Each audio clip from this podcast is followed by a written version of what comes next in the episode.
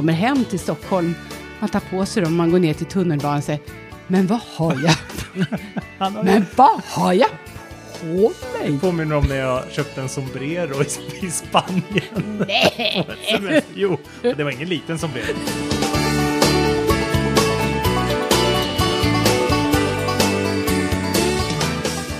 Fredrik, Mm. hur är det med kärleken? Mm. ja, du, det är väl... eh, ja, jag, jag... Det har ju blivit speciellt det här med att ha en podd som handlar om relationer och dating. Just i att så här, vi har ju haft lite så här lägesrapportering tidigare. Eller hittills kan man säga, i podden. Och nu börjar man väl känna att, liksom det, att det nästan blir som att podden föregår eh, inte kä känslorna höll jag på att säga, det menar jag inte. Jag menar podden föregår ens liksom, privatliv på något sätt. Eh, så att jag har varit lite fundersam kring just så här, vad, hur mycket ska man prata om vad som händer och samtidigt som man förstår att det är ju å andra sidan sånt som är roligt att höra på. För först var vi så här, men vi ska vara superärliga, herregud. Ja. Men då hade vi inte räknat med Lyssnarna. liksom 20 000 lyssnare, utan våra kompisar kanske bara. Ja. Och framförallt du då, som har varit så superöppen. Eh, till och med när du ska iväg på dejt och så. Och sen Ja. har vi förstått att de här dejterna du har varit på har också lyssnat. Ah, Det blir en konstig rundgång, det blir Ja, det. det har blivit lite så att man har kommit... Det var ju hon, jag har ju nämnt en person som jag träffade två gånger som, som ju vid dejt nummer två då kom och berättade att så här, jag har precis lyssnat på Ja. senaste avsnittet. Alltså då, det, det blir väldigt... Ja, vad det, säger blir, man då? det blir ju roligt, eller det blir ju både roligt och lite konstigt också. För Mm. man, på ett sätt känner man ju sig underläge själv. För att hon har ju massa information om vad jag tycker och tänker och jag har inte samma information om vad Nej, hon tycker och precis. tänker. Så det är både smickrande och lite jobbigt samtidigt kan jag tycka. Och det, är liksom, och det där har ju, just den personen har ju sen liksom, ja det kan jag ju rapportera då, att hon drog sig liksom ur kan man säga. Aha. Hon eh, meddelade att, så här, att hon, Men är det poddens fel, tror du? Det kan man bara spekulera i, det sa hon inte ordagrant. Men, Mm. men eh, Självuppfyllande profetia, Ja. datinghaveriet. jag kan ju själv känna att så här, skulle jag själv gå på dejt med någon och så Ja. får man liksom höra, vad ska man säga, bakom kulisserna, pratet efteråt. Hur skulle det vara? Och det beror ju så självklart på vad den personen säger. Mm. Om den skulle säga att så här, wow, vilken fantastisk person, då skulle man ju bli smickrad. Men det kanske ändå skulle göra att man får lite så här, den här liksom externa strålkastaren på sig hela tiden. Ja. Så att, ja, ja men det är lite här, hur var någon som skrev i gruppen just Ja. att, och jag hoppas ni aldrig träffar någon, Ja. så att podden fortsätter. Ja. Och då skrev jag tillbaka, vi har ju alla förutsättningar för att fortsätta misslyckas just nu. Eh, det kan man ju ändå säga. Och sen har vi ju, jag tänkte så här, vi har ju inte bara pratat om våra dejter i den här podden. Nej. Jag skulle säga att vi kanske 5-10% av innehållet har handlat om det. Men, Men, om, du gör, men- om du gör tummen upp eller tummen ner, hur är det med kärleken? Ja, då är den väl, eh, då är den väl tummen eh, neråt eller sidan eller något sånt där. Tummen sidan. Ja, Ja, men då säger man ju inte för mycket. Nej, vad, säger, hur, vad sk- skulle du själv svara på Ah. den frågan?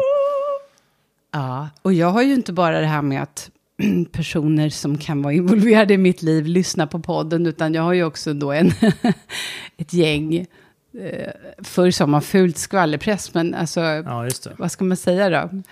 Ja, men, eh, Nöjesjournalister. Ja, nöjesjournalister som är lite extra intresserade. Mm. Och det är klart att jag har ju gett mig in i den här äh, leken när det gäller att vara en offentlig person, så jag får ju stå ut med det. Men säg att jag träffar någon så är det inte lika roligt för den personen. Så Nej. att det är ju, ja nu bör- börjar det bli svårt. Mm. Det var, det, kommer du ihåg när Facebook startade och Ja. man kunde kryssa i It's complicated? Ja, just det. Det kan Det man var- fort... Nej, det kanske man Nej, inte man kan kan längre. inte det längre. Nej, nej, vad synd. Ja. För det är så härligt Ja. liksom. Det är komplicerat. Och Det är otroligt transparent egentligen när man tänker efter. Och att folk också gjorde det. Ja. Folk som man typ visste var, var ihop med någon. Och så skrev de så här, it's complicated. Ja. Och man kände bara så här, gud, att de, att de går ut och berättar För jag det. tänker så himla mänskligt. Ja. Det är komplicerat. Ja, Nej, men så det är väl det jag skulle kryssa i då. Det är komplicerat. Det, det är så här, det, det har ju... Det, det är ju något där. Det finns ju någon där. Eh, och jag tänkte lite på det här med att uppleva eh, romans under sommaren. Eh, lite som att ha en sommarkatt. Man skaffar en gosig liten katt och det är helt underbart I och maj- det är roligt. maj-juni. I maj-juni och man leker och det är härligt i juli och sen augusti och plötsligt så Ja, men under sommaren är allt möjligt. Mm. Det är solnedgångar, det är rosé, det är liksom inga tider och det finns allt är möjligt. Man tar ju också så här, det känns som att man också tar livsomvälvande beslut. Till exempel, eh, jag ska söka nytt jobb eller jag ska skilja mig eller jag ska, du vet så här, vi ska köpa nytt hus. Alltså de här stora liksom, livsprojekten, de kommer alltid upp till ytan på sommaren tycker jag. Ja, men det då man liksom, gör. ja men då hinner man tänka efter och bara, Ja. var, står jag i livet och gör jag det jag vill nu och vart är jag på Och väg? också och, tror jag för att när man har semester så tror jag att det känns som allt är möjligt. För Ja. i höst är ungefär tio år bort. Men Ja. det är det ju aldrig, men det känns som det. Här och nu liksom. Och sen kommer hösten. ja, Och, och, då det är stora katten, vemodet rullar in. Och då har katten blivit stor och grinig och börjar riva sönder möblerna. Man tänker, gud, hur ska jag ta hand om en katt? Ja.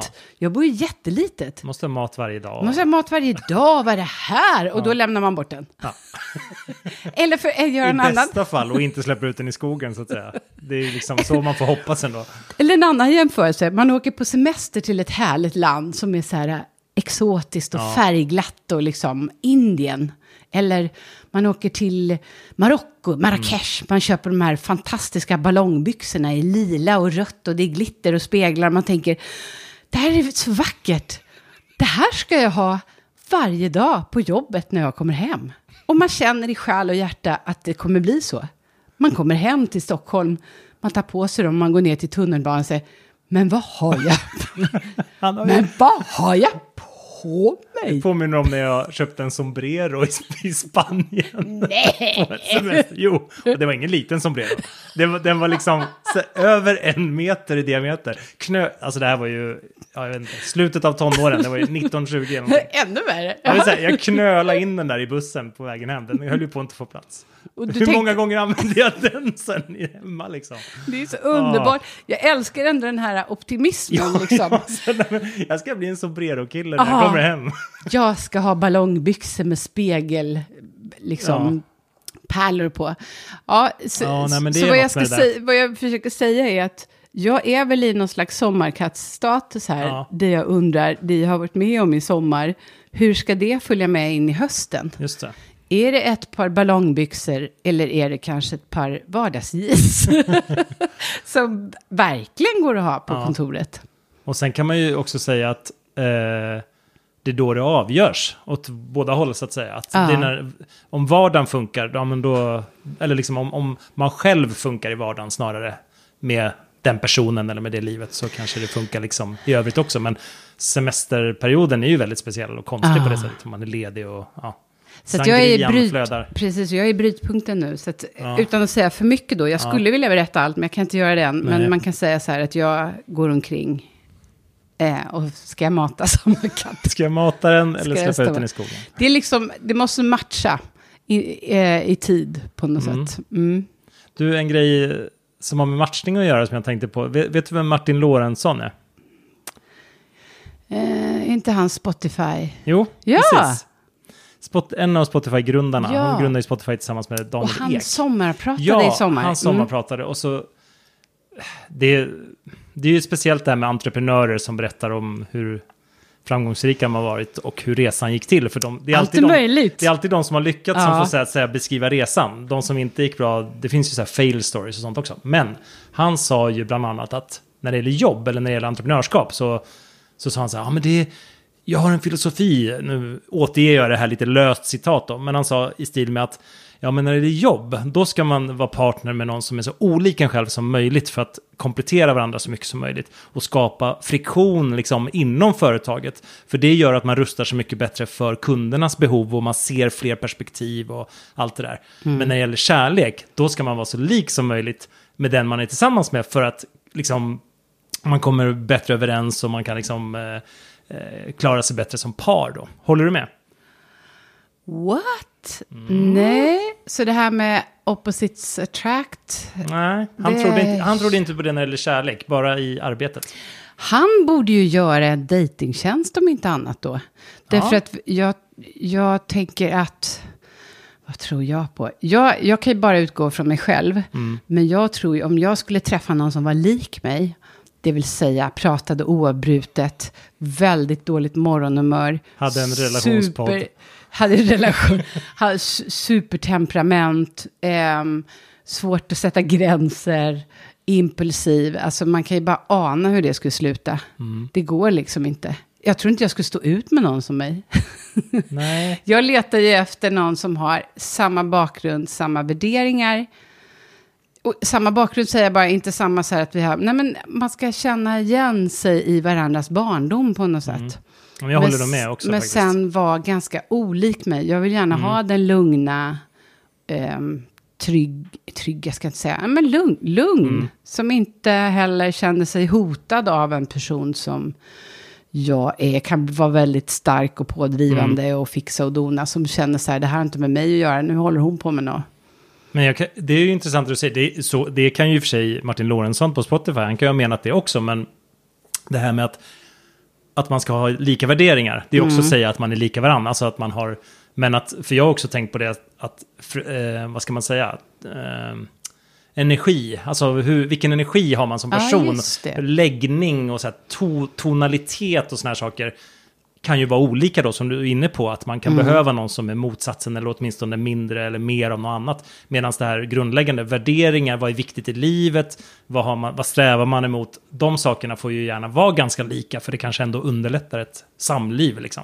Ja. Men det där är ju, ja, ibland, det är ju en djungel att ta sig igenom vad är vad, så att säga. Vad är värderingar och, alltså, på pappret känns det enkelt, men jag tänker att ibland så... Och rent digitalt, jag menar, när vi har så mycket AI nu, när vi har så mycket olika saker, varför kan inte någon knäcka koden för vad det är som passar bra ihop Mm. liksom?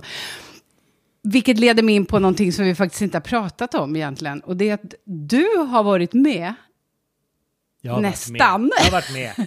i mitt favoritprogram. Du var med i castingen till Ja. eh, Gifta vid första ögonkastet. Ja. Som ju bygger på att ex en expertgrupp ska göra en supermatchning. Mm. Det här är helt sjukt, varför har vi inte pratat om det? Nu måste vi prata om det. Inte nog med det, jag har också varit med i ett annat format som, där jag kom med, som ju heter Första dejten.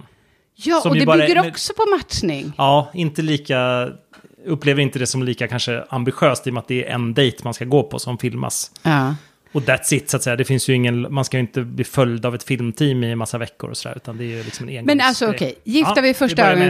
ja, Ja. Gifta vid första ögonkastet är en superpopulär, superpopulärt format, finns i Mm. en massa länder. Eh, I Sverige sänds den på SVT och den bygger då på att en expertgrupp intervjuar en massa människor, sätter ihop ett par Mm. som sen får gifta sig utan att de har träffats. Och sen får de då leva tillsammans en månad och ta ställning till, är vi kära eller inte? Mm. Och tanken då är att de ska matcha så bra så att de verkligen blir kära. Mm. Och du, vad, du får berätta nu. Ja, nej men jag, jag i mitt, det känns som att så här, det här är ju en tydlig röd linje med att vi nu sitter och har en relationspodd eller en datingpodd, att så här, just det här sökandet efter svaret på så här, relationer, hur funkar det? Och Var det därför du anmälde dig? Ja, men- ja, men också lite så här insikten att så här, ja, men om jag nu själv inte har lyckats med det här, alltså Kan någon annan? kan någon annan lyckas? Kan Ja. någon annan se något hos mig och hos någon annan som, som jag själv inte ser? Kan någon tvinga mig in, för det är lite det det handlar om, man tvingas ju in i en situation som man inte själv har valt, med en person man inte har valt,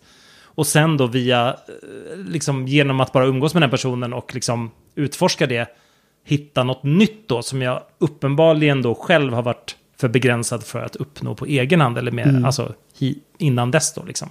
Men hur gick det till? Ja, men det var ju, det här var ju, nu ska vi se.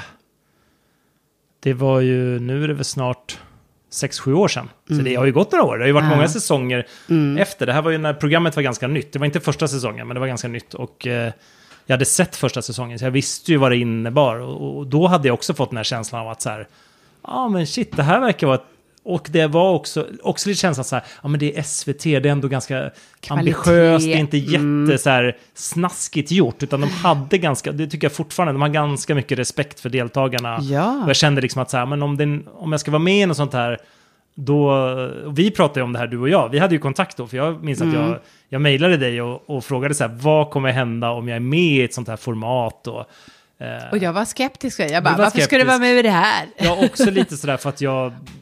Ja, men det här med att... Även då så var jag lite sådär... Du kunde dyka upp som expert i olika sammanhang. Att man kunde sitta i Aktuellt och prata om det. Så digital tänker man, utveckling. Åh, är så- det Dejt-Fredrik? Ja, men precis. Så här, vad skulle hända med det, med jobblivet? Skulle alla på, som man möter i jobbet tänka att så här, ja, där kommer ju han som har varit med i den här såpan liksom. Men vad var det för experter då? Det var en psykolog? Precis, det var ju det var en präst, en psykolog, En präst, eh, en beteendeterapeut Ja. kan man väl kalla det för. Och så var det ju en, eller det var flera, det var två terapeuter kan man säga. Mm. En psykolog och så den här prästen. Och så ställde de då en massa frågor till dig. Ja, det gjorde de ju. Och sen innan jag, hade, innan jag ens träffade dem så träffade man ju castingpersonal då på produktionsbolaget. Vad frågar de för frågor liksom? Mm. Ja, men det är ju alltifrån, alltifrån ytliga saker som så här, ja, men du vet, utseende ideal, värderingar, vikt, så här, Hur ofta duschar du? Ja, lite så. Precis. så här, och även eh, vad man, alltså mål i livet, skaffa barn. Då sa jag att, så här, att, att jag kanske inte var så sugen på att skaffa barn till exempel. Mm. Det var en sån parameter som, Ja, som jag kände, det. det. där kanske blir svårt att matcha, tänkte jag. Eh, Jag sa väl inte att jag hade liksom helt strukit det, men jag, jag nämnde det som ändå en, en faktor. Liksom. Mm. Så där pågick det. Så det var väl, det var någon, först någon enkät som man skrev i jättelång och så var det flera intervjuer och sen var det, eh, träffar man då de här experterna en i taget. Mm. Eh, och insåg väl då att, att just det var en process, att det var ju kanske, jag vet inte hur många sökande det kan ha varit till ett sånt program, över tusen kanske. Ja, I första, ur, ja, Ja, i första visst. urvalet liksom. Men sen så gallras det ju det där ur successivt. Och från bo, både kvinnor och män och nu har det ju varit gaypar med och sådär också. Men, men ehm, eh, så att man kände väl i slutet där så, så insåg man att så här, men nu är vi liksom en grupp män här och en grupp kvinnor som på något sätt har gått vidare till slutfasen. Och någon av, vi kom, alltså man hade ju inte någon koll på de andra, det var ju inte så. Nej. Eh, och då, men jag valde ju att hoppa av där ska jag Sen säga. hoppar du Ja. av precis i, I slutet. sista sekunden. Visste du vem du hade matchat med Nej, då? det visste Nej. jag inte. Då tror Varför jag, hoppar du Då av? tror jag inte att jag hade hoppat av heller. Eller det visste jag ju inte, för det, då hade jag ju gått på bröllopet. Ja, just det. För det börjar ju med ett bröllop där man ser. ja. Så Men att, varför hoppar du av? nej, men jag kände att jag... För att jag sa det. Att- nej, jag hade de där experterna, expertintervjuerna och kände väl att så här, det är inte... Det är ju det som är problemet med matchning generellt. Att så här, det, det går liksom inte att matcha folk på det sättet, Alltså, andra jag. kan inte matcha dig. Ja, nej, eller och sen så träffade jag, jag ska inte nämna, var en av experterna som jag kände att jag inte fick så mycket förtroende för och kände mig lite, till och med lite, obehag, lite obehagligt Mm. i den intervjusituationen. På och då vilket blev jag, sätt? Alltså- Nej, men han ville göra, ja, det var en hand uppenbarligen, ville göra liksom en del övningar med mig och, och li, lite inför en eventuell medverkan. Att så här, Ah. skulle det vara okej om, jag gör, om vi gör den här övningen och den kan sen dyka upp då i programmet liksom. Ja. Så att mer, mer än så ska väl inte säga utan att bryta mot något, någon kontrakt här. Men, men eh, det var väldigt lärorikt att vara med om den Ja. processen också. Men då måste jag ändå få säga, ja. alltså eh, eh, om man Jag ser... fegar ju ur också ska vi säga. Alltså kan man ju också uttrycka det som. Ja, liksom, eller känna i magen att Nej, men det här kändes inte bra till Ja. sist. För jag tänker ändå så här, om man tittar på statistiken för hur många par som sen fortsatte på I den här, programmet ja. Mm. med den här fantastiska expertgruppen, så kan man ju också eh, konstatera att det är väldigt dålig rate, Ja, hit visst, rate. visst. Och då tänker jag så här, att de har ju felmatchat Mer- eh, merparten. medvetet. Ja, så, därför för att för- ja. det är inget kul att titta på kära människor. Nej. Säg att något av de här paren hade gift sig och det är som, du vet när det kan vara som Ja. bäst, man träffar någon och allt är rätt. Om, för att, jag menar, blir man riktigt förälskad så är ju fyra veckor ingenting. Nej. Då är man ju fortfarande, det är då Då man, man kan gifta, att ja, då kan Ja. man ju gifta Det sig hinner och inte bli någon liksom, friktion på de veckorna. nej, liksom. man kan tatuera sig, byta blod och byta liksom barn, vad som helst. Man, Ja. man är ju helt crazy. Ja. Vi har aldrig sett den förälskelsen. Nej. Och då tänker jag att programmet bygger på felmatchningar. Mm. Det vill säga, det roliga är ju att se, oj, det är, åh, vad det stöts och blöts Mm. och eh, bråk och... eh, Ibland får man också kä- känslan av att det här är ingenting som jag kan, alltså som jag vet som någon har Fredrik sagt. har alltså skrivit på massa kontrakt, Ja, så han kan kontrakt. Inte bara säga... förtydliga att... Bara, Men jag bara, kan säga vad som helst. Ja, du kan säga vad som helst. Bara som tittare av programmet så, Ja. så känner jag att så här, ibland så får man också känslan av att, av att eh, dels det du säger, att man hittar, men också såklart att man vrider upp volymen jättemycket på de friktionsmoment som ändå finns. För Mm. alla par kommer ju någon gång, kommer man ju ha en liten dispyt om någonting eller så här. Och då för att göra liksom, för det finns ju några exempel på par som det faktiskt har gått väldigt bra för, eller som har varit kära Åtminstone två de är ju tänker inte jag många. på. Ja, men två på hur men många att år? Mm. Det jag tänker säga var att även de har de ju så att säga lyckats hitta små så här, Ja. bråk kring för att göra programmet mer intressant. Och sen i slutändan så, så väljer de att fortsätta vara gifta. Och det finns ju några som fortfarande är gifta. Men det är ju som sagt det är ju en liten del av alla som har varit Jag med. gillar programmet, jag tycker idén är kul. Jag älskar men jag fortfarande tror, programmet jättemycket. Ja, men jag tror att den bygger på att man tar par som inte matchar. Och, för jag tycker att man själv ser, när man sitter i soffan hemma, Mm. det här är fel. De sätter ihop en vegetarian med en som hatar rökare, som röker med en som, alltså Mm. så här, de hittar... Däremot så är det otroligt lärorikt att Mm. titta på just det här med att ehm, våga ge alla en chans och liksom, det, det har andra kvaliteter så. Ja, det Men- har ju precis, för det, precis de här allmänna diskussionerna kring relationer, vad är det man söker. Mm. För många av de här personerna är ju sådana som jag, det vill säga personer som har kanske dejtat mycket. Desperata. ja, desper, desperata, galna personer utan riktning eller mål i Nej, livet. inte nej, då, så. Men, nej, men precis, och då märker man ju, bara de diskussionerna kring det är ju Ja. jätteintressant tycker jag att lyssna på. Och, bra, och lärorikt, Ja. det tycker jag är kul. Ja. Men sen, var, sen har du ju faktiskt varit med i första dejten. Jag kunde ju inte släppa det där, så att jag, Nej. några år senare så kände väl jag att så här, men... kan man se, ligger det uppe? Kan man söka liksom? Det vet jag inte. Det gör det väl. Det är väl första, alltså första dejt, svenska första dejten, första säsongen tror jag. Vill du veta en hemlis, som jag säger i podden nu? Jag blev kär i bartendern på Åh, första dejten. Och la det. till honom på Facebook Ja. när jag hade druckit lite Ja. vin. Och skrev så här, du är så här, du så... Åh. Fick du något svar? Ja. Så nu ska vi gifta oss. Nej! jag har ingen han är väl inte singel. Men han är så himla mysig med sitt skägg och han Mm. är så här fin göteborgare. Han står där och är så jävla Ja. härlig. Jag tänkte först på han eh, hovmästaren och så tänkte jag, nej det var nog inte Karin nej, nej, nej, nej, nej. Utan det var bartendern. Ja. Skäggbert där, ja precis. Ja, men berätta. Lite så här rockabilly-stuk, så här, Ja, men lite väldigt- tatueringar och skägg och ja. Det, ja, Eller det kanske. vet jag inte, det bara kändes så. Men alltså, Ja, det här var ett tag sedan. ja, Eh, två dagar sedan. Nej, ja var det precis. Förra veckan. Ja. Men hur, blev, hur var matchingprocessen där då på Ja, men första den var, dejten? ju, den var ju kortare, det var också några, eh, några intervjuer och lite enkät och sådär. Gäller det tjejer? Bra. Ja, Ja, okej, precis. Vi har en här.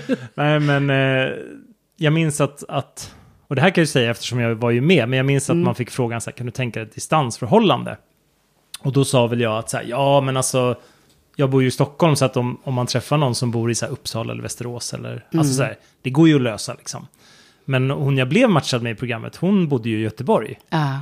Och det, jag vet att du skulle inte bry dig om en sån grej. Nej, Men jag fattar inte Men grejen. jag tror både hon och jag kände så här, att så här, Åh det, gud, det är tre timmar Nej, på men tåg. Det kan vara mitt kände- livs kärlek, men vad fan. Vi kände väl så här, det här, var, det här var trevligt och hade vi bott i samma stad hade vi, hade vi antagligen så här, Men vad är se, det? setts några gånger och ändå så här följt upp det lite. Medan nu var liksom, eftersom det inte kanske var så här blixtrande förälskelse på första dejten, då blev liksom tröskeln att ta det där vidare sen, blev liksom ännu högre. Så det blev liksom som att vi så här, jag kände att vi var väldigt så här respektfulla mot varandra och vi var väldigt så, vi hade en bra, en bra dejt och det märktes att både hon och jag var så här vana. vid- Jag såg det, jag tyckte Ja. ni var fina. Ja men så här, vi, Jag det var haft- två, jag kände att hon var så här, det var en härlig person som, som absolut skulle kunna vara en, en person jag liksom... Men åh, det där blir jag tokig Ja. på.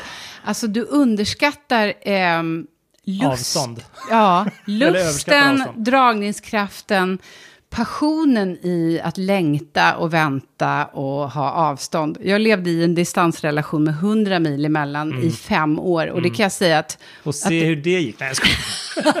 Ja, det gick åt helvete. Men de här fem åren var ju passionerade just för att man fick längta, Ja, jo, vänta. Och sen när man sågs, varje gång vi sågs så var det ju... Ja, ja, men det håller jag med om. Ja, Det finns någonting med dragspelet där, att det är ju som att ha Drag- barn varannan vecka. Liksom, ja men lite så. Um, Okej, Mm. men matchning är ju intressant. Vi har Mm. pratat om det förr, men jag tänker just på det här. Jag och en kompis jämförde eh, vilka matcher vi fick upp på Tinder. Eller ja, vilka profiler. Eller vilka här, profiler, ja, men vilka ja. vi så här, ja, som kom Eller upp ja, då. vilka, ja, precis. För hon sa så här, men det är så konstigt, alla män som kommer upp, de är typ lite äldre, lite, ser ut lite så här, är lite bla bla. Ni satt liksom med, med mobilerna framför Nej, vi gjorde er, inte det Nej, ni först, gjorde- men jag sa så här, ja. men gud, det finns, för, för, jag, vi gick med båda två samtidigt första Ja. gången. Jag ringde henne och bara, men det är helt sjukt, det finns så mycket bra killar, de är Ja. så snygga, jag dör, jag dör. Och hon bara, det finns det inte alls. och Just så det. visar vi är ju samma ålder, Ja. vi liksom har samma fyllt i samma spann i ålder, liksom allt. Mm. Och ändå fick vi helt olika matchningar. Helt olika. Ja. Ja. Och det är Och- ju algoritmerna som talar då. och vad är det för algoritmer? För det tänker jag, det kan ju bara bygga på utseende egentligen. Ja. För vad Eller annars? alltså det, det bygger sig, det bygger väl du kan inte precis. bygga på ord, räkna ord. Alltså vad... Nej, det bygger väl, an, det bygger ju på, tänker jag då, min, kanske inte lekmananalys, men min hobby semiprofessionell analys är ju att det bygger ju på hur många gånger har andra användare eh, swipat höger och vänster på just din profil. Ja. Och få, har du då en högre ranking i, liksom, om vi tar nu Tinder då, som det Ja. var det här fallet.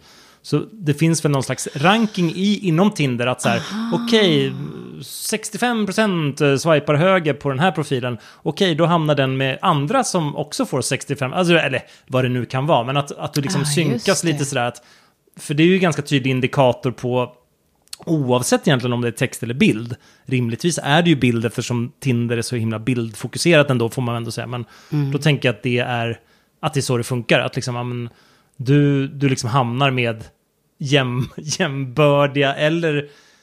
Men eller liksom- gud ja, vad inte. intressant. Men det har, vi de pratat, har vi pratat om det förut? Att, alltså min teori är ju också att Tinder och andra plattformar, att så här, oavsett utseende så finns ju ett visst sorts utseende som gynnas av och missgynnas. Alltså att Alltså man kan se ut på ett visst sätt som liksom gynnas på sådana här digitala plattformar med begränsat utrymme, små bilder, allt vad det innebär. Är det sant? Jo, men vi har pratat om det fast inte i podden tror Nej, jag. det kanske vi inte har. Men för jag tänker att så här, det är inte bara så här snyggt fult, tänker jag. Förstår du? Jag Nej. menar, det är inte bara så här, åh du är klassiskt modellsnygg eller du eh, ser ut som ett eh, vrak, så att säga. Det är inte det det handlar om, utan det är mer så här att, ja men du vet så här, lite som att någon skulle se lite seriefigurmässig ut. Alltså du, du har liksom väldigt tydliga drag, väldigt tydligt så här, vad vet jag, feminint kvinnligt utseende. Ja men då kommer du liksom få eh, rankas högre generellt då så här.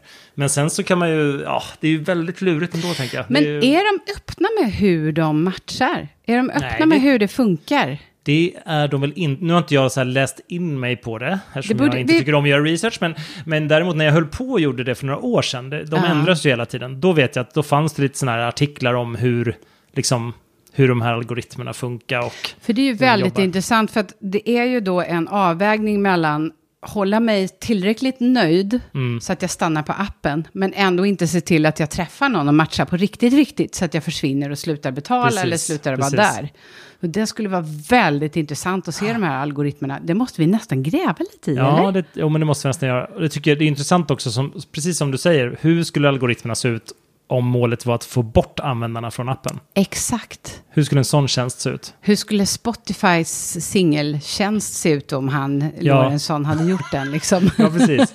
Grejen är att alltså, svaret skulle ju kunna vara så här, ja, den skulle se exakt likadan ut för att det är inte tjänsterna som är problemet. Det är Nej. vår, det är vår liksom, tillgång till andra profiler som är problemet. Eller samhällsutvecklingen eller vad det kan vara. Men, Men det skulle tror- också lika gärna ja. kunna vara ett annat svar som var att, att det faktiskt skulle vara skillnad. För det man har bevisat är ju att våran bild av världen, våran bild av oss själva, våran bild av vad, liksom rent politiskt påverkas extremt mycket av sociala mediers Mm. algoritmer för vilken bubbla vi är i. Och då borde det ju rimligtvis vara exakt samma med Mm. dating. Och i så fall är ju det här datinghaveriet som vi hela tiden ältar här, inte bara vårt fel. Och inte ens Nej. samhällets fel, utan faktiskt att det sitter några väldigt många snubbar och programmerar Visst. en algoritm som ska göra att vi är tillräckligt intressanta för att betala, eller intresserade för att betala, tillräckligt misslyckade för att aldrig lyckas liksom på något sätt. Ja, men det var bara det här med liksom rasistiska algoritmer till exempel. Mm. Att bildigenkänning för svarta personer har...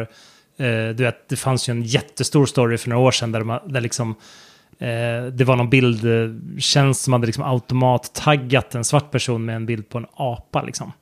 Och det är så Helt fruktansvärt. Det är så fruktansvärt som man blir helt så matt. Men det är klart, ja, då sitter ett gäng vita programmerare som har gjort den här Mm. eh, liksom bildigenkänningstjänsten och liksom inte, de har inte kalibrerat den med en databas med svarta och andra, Nej, alltså det. med en mångfald av människor, utan de har utgått från förmodligen ett gäng bilder som från deras egen krets, så att säga, eller vad det nu kan ha varit. Men, men samma sak är det ju där, att, att eh, sen lär vi ju också algoritmerna själva, eller man lär ju, jag tänker att så här att Ja, men det är som den hubboten som var den första som fick eh, medborgarskap i Saudiarabien var det. Som liksom är inte en människa, men en varelse. Okej. Den hubboten har ju Ja. då, när de försökte lära henne det hon skulle kunna mänskligheten, så Just körde det. de in Twitters hela. Ja. Vilket gjorde att hon blev både rasist och kvinnofientlig Ja, på på, typ bara några sekunder. sekunder. Ja.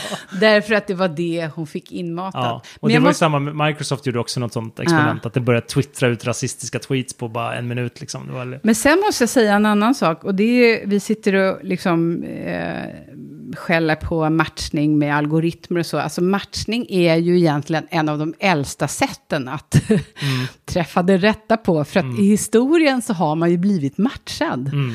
av eh, släkten. Som har matchat, det här är ett bra giftermål, därför att det har varit mer en ekonomisk struktur, en samhällsstruktur eller en religiös sak.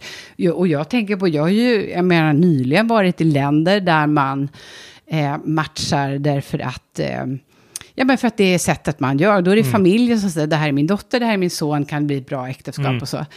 Eh, och, och det är ju hemskt såklart. Alltså, ingen annan ska ju bestämma med vem man vill leva med. Men jag bara lekte lite med tanken någon gång så här, tänk om min mamma skulle välja. tänk om din mamma skulle Ja, visst, välja den du visst. matchar med. ja. Jag har varit finns, med om det en gång. finns det något i det ändå min, kan... ja, ja, men jag har varit med om att min mamma har rekommenderat en person.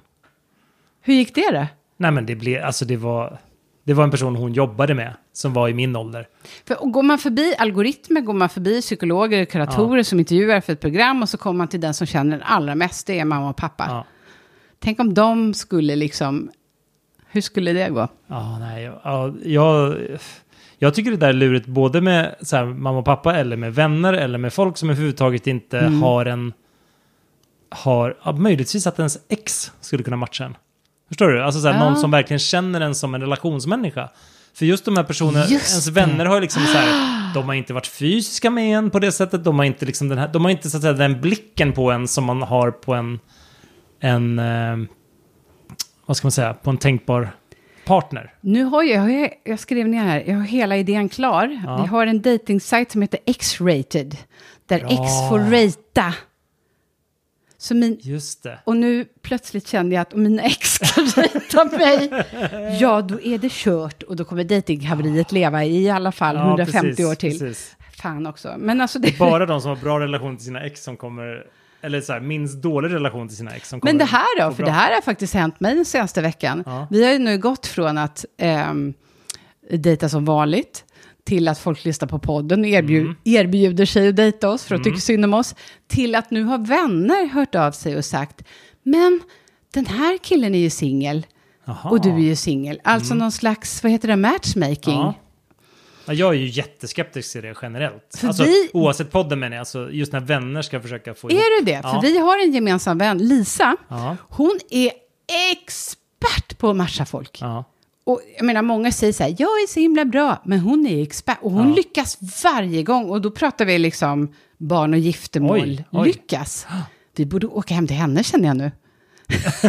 Nästa avsnitt spelas in hos Lisa. Nej, men jag har gjort, jag har varit en sån som har, inte matchat folk, men att folk har träffats via mig. Ja. Alltså, två eller tre par. Med barn i vissa fall. Och så. Är det sant? Men då är det mer som att så här, ja men du vet, de båda har varit kompisar till mig och sen Ja, så har jag haft fest och så har de träffats hos mig. Du har inte tänkt så här, ni ska? Nej, precis. Jag har inte aktivt jag har varit så. med och sagt så här, ni två. Och det har Ja. blivit katastrof varje gång. att de blivit ledsna, sura eller så har börjat bråka. Jag är värdelös. Jag följer ju en serie, en amerikansk serie som handlar om... Eh, för där finns ju, som vanligt, de är ju ungefär 50 år före med, med det mesta. Mm. De har ju haft nätdating också väldigt mycket längre än vad vi haft. Och så här systematiserad speed dating Mm. och så. Men de har ju också matchmakers som jobbar professionellt. Det. Det blir inget tv av det. I det här fallet, den tv-serien jag tittar på blir tv. Men annars så har ju de sådana byråer där man Mm. Just det. Eller framförallt lite så här framgångsrika Ja, människor som inte har råd. Eller framförallt har de inte tid kanske inte tid och råd så att de Nej. har någon som eh, handlar kläder, någon som Ja. sköter styling, någon som Ja. sköter dejter. Outsourca relationerna liksom. Men också om man ska vara ärlig liksom, säg att...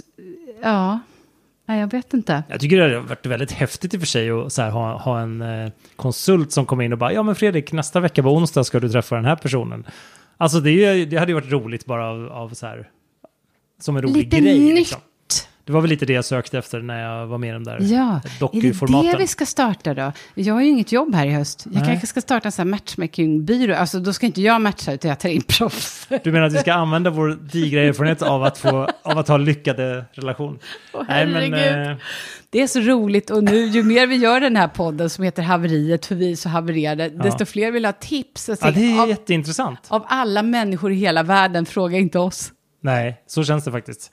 Fast det finns ju, någon, det finns ju någonting i att Även om du kanske inte har varit lika, på många, lika många dejter som jag så har du ju haft långa relationer. Mm. Och det finns ju någonting man lär sig av att både ha långa relationer och i mitt fall då att gå på många dejter. Så vår gemensamma kompetens finns ju liksom i båda lägren kan man säga. Vi är bra matchade Fredrik, vi är bra Vi matchade. säljer in, säljer in konsultduon här. Men sista frågan då. Om du nu skulle matcha mig Mm. med vem som helst och jag skulle matcha dig med vem som helst.